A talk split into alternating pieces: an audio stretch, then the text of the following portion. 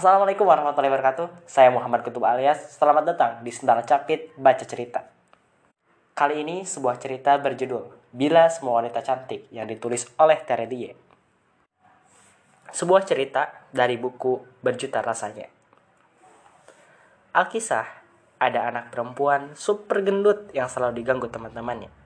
Setiap hari diteriaki, gendut, gendut, badak, badak. Anak itu menangis, terseduk, berlari menjauh dengan gelambir lemak di perut, mengadu.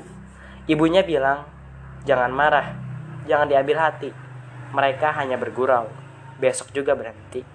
Tapi, esok lusa, kelakuan teman-temannya tak pernah kunjung reda. Berbilang hari, malah menjadi-jadi. Cubit sana, cubit sini. Maka, semakin sering bersedihlah anak itu. Hingga suatu malam, di tengah senyapnya gelap, sang anak mengangkat kedua tangannya, tengadah ke langit buram. Ya Tuhan, kuruskanlah aku. Aku mohon. Anak itu menangis terseduk, bersimpuh penuh harap. Atau, kalau engkau tidak berkenan membuatku kurus, maka buatlah gendut seluruh teman-temanku. Aku mohon, biar kami sama. Biar kami sama. Maka malam itu, sempurna sudah langit terbolak-balik. Doa itu bagai melemparkan sebutir dadu dengan seluruh enam sisinya sempurna. Bertuliskan kata Amin. Pin tertawa lebar, bahkan sebelum Jo sempat menyelesaikan ceritanya. Hampir tersedak oleh makanan, buru-buru meraih orange juice, minuman favoritnya. Nah, kamu bisa bayangkan kalau semua teman-temannya gendut. Mana asik lagi coba hari-hari mereka. Tidak ada saling olok satu sama lain. Tidak ada saling ejek, hambar. Persis nih kayak stick ini. Jo nyengir, ikut nahan tawa, sambil malas mengiris-ngiris daging sapi di hadapannya. Tapi itu tetap tidak menjelaskan masalahnya. Pin meletakkan gelas, lantas memperbaiki anak rambut yang mengenai ujung-ujung mata. Analogi yang buruk, buruk banget malah. Lah, come on. Bukankah itu menjelaskan semuanya? Kamu pikir semua orang di dunia ini akan cantik? Akan seksi? Tidak kan? Pasti ada yang cantik. Ada juga yang kurang seksi. Ya, kayak kita-kita ini. Pin memotong pelan. Kamu selalu berpikiran negatif. Selalu pesimis. Lagi pula, siapa bilang kamu jelek? Pin menyeringai tanggung. Jelek. Kalau saja Jo bukan teman baiknya.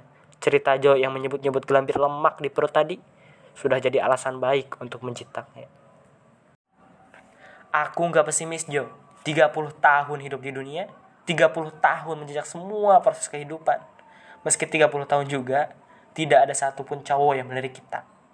Tidak pernah menemukan cowok yang menganggap kita ada, eksis. Well, jadi gimana mungkin aku akan pesimis? Pin tertawa kasar. Joe meletakkan pisau dan garpu. Putus asa. Satu untuk bumbu daging stick yang memang hambar.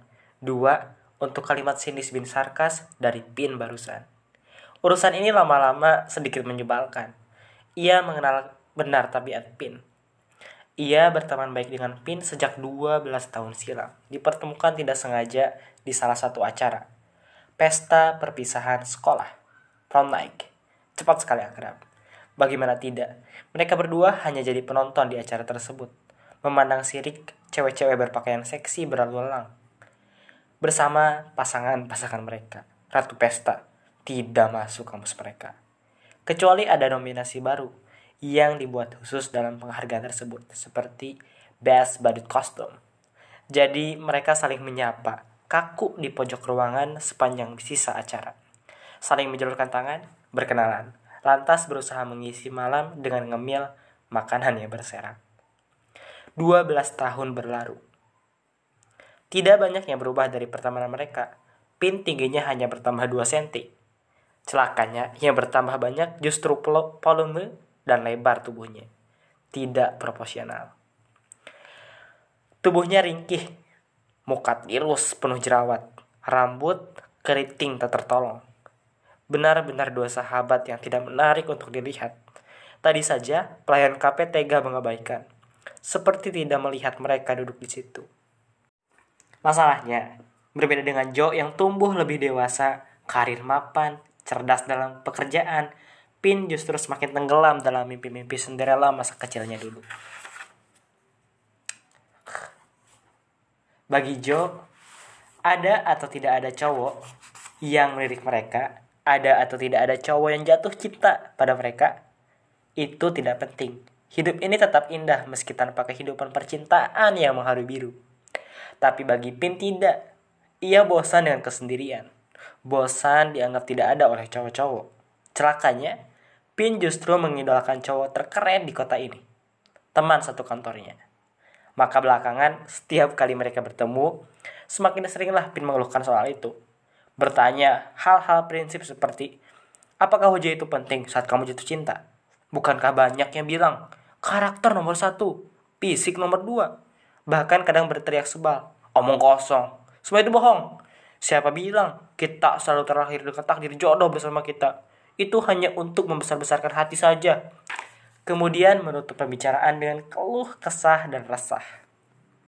Seperti malam ini di Sky Cafe. Cafe yang memiliki slogan, Kamilah cafe tertinggi di kota ini. Memang benar slogan itu. Cafe ini persis di atas gedung tertinggi. Tapi soal menu dan rasa makanan, Joe sejak tadi malah mendesis dalam hati. Tidak akan pernah datang lagi. Dan Pin sibuk berkeluh kesah lagi. Lihat tuh, Cowok-cowok seperti Laron mengelilingi gadis cantik di meja besar itu. Semua berebut seperti anak kecil yang menjanjikan permen. Menyebalkan. Pin mengkal menunjuk kerumunan di sudut ruangan. Joe tertawa kecil. Menatap keramaian yang membuat sirik Pin tersebut. Bahkan eh, bahkan, hey, Eric Torare, cowok tampan idola satu kantor Pin, ikut mengerubungi. Pasti itu yang membuat Pin tambah keki. Aku rasa hidupku akan sepi selamanya. Selamanya.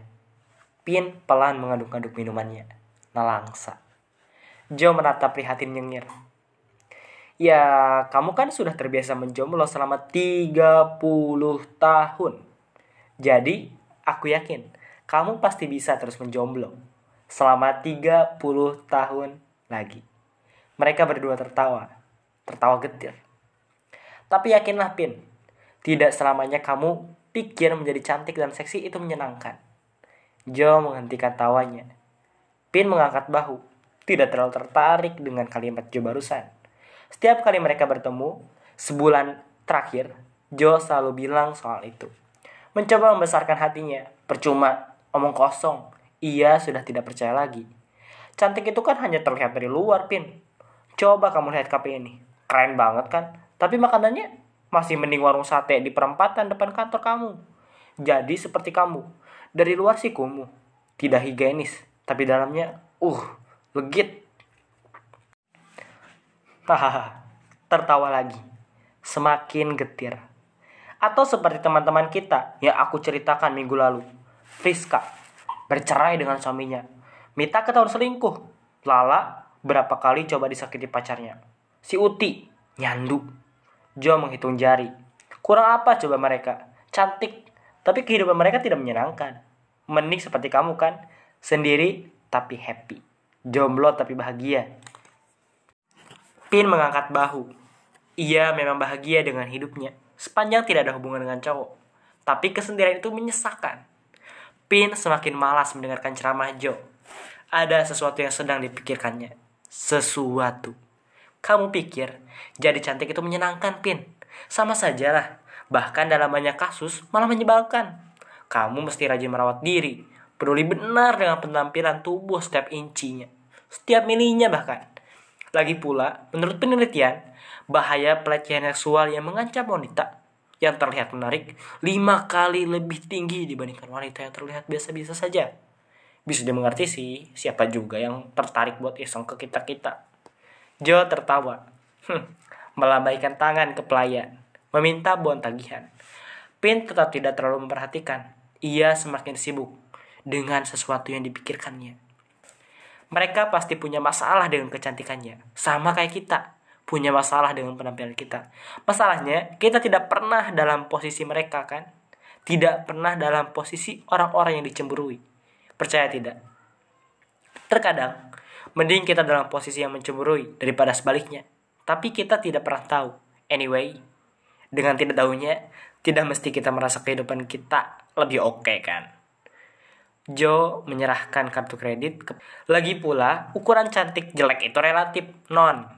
Karena cowok-cowok sepakat cantik dan seksi itu harus ramping, perut datar, mata hitam menggoda, rambut yang indah. Seperti ini, kulit harus putih, bibir mesti merah, mesti sensual, dan seterusnya. Maka cewek otomatis harus seperti itu. Untuk dibilang cantik. Coba kalau cowok-cowok sepakat, cantik itu gendut pendek, hitam, keriting. Kamu kan bisa masuk kriteria cantik banget. Pin, ah, sudahlah, yuk. Joe berdiri setelah menerima kembali kartu kreditnya. Tidak tega melanjutkan gurauan. Lihatlah, Pin sudah mengusap matanya. Nah, daripada seperti minggu lalu, Pin menangis sedih gara-gara kalimatnya, mending buru-buru pulang. Pin mengangguk, berdiri lemah mengikuti Joe. Matanya kelilipan, tidak Tentu saja Pin tidak ingin menangis seperti minggu lalu. Selepas makan dan mengobrol bareng Joe malam ini. Hatinya tidak sesedih minggu-minggu lalu. Ada sesuatu yang sedang dipikirkannya. Dan itu memberinya semangat.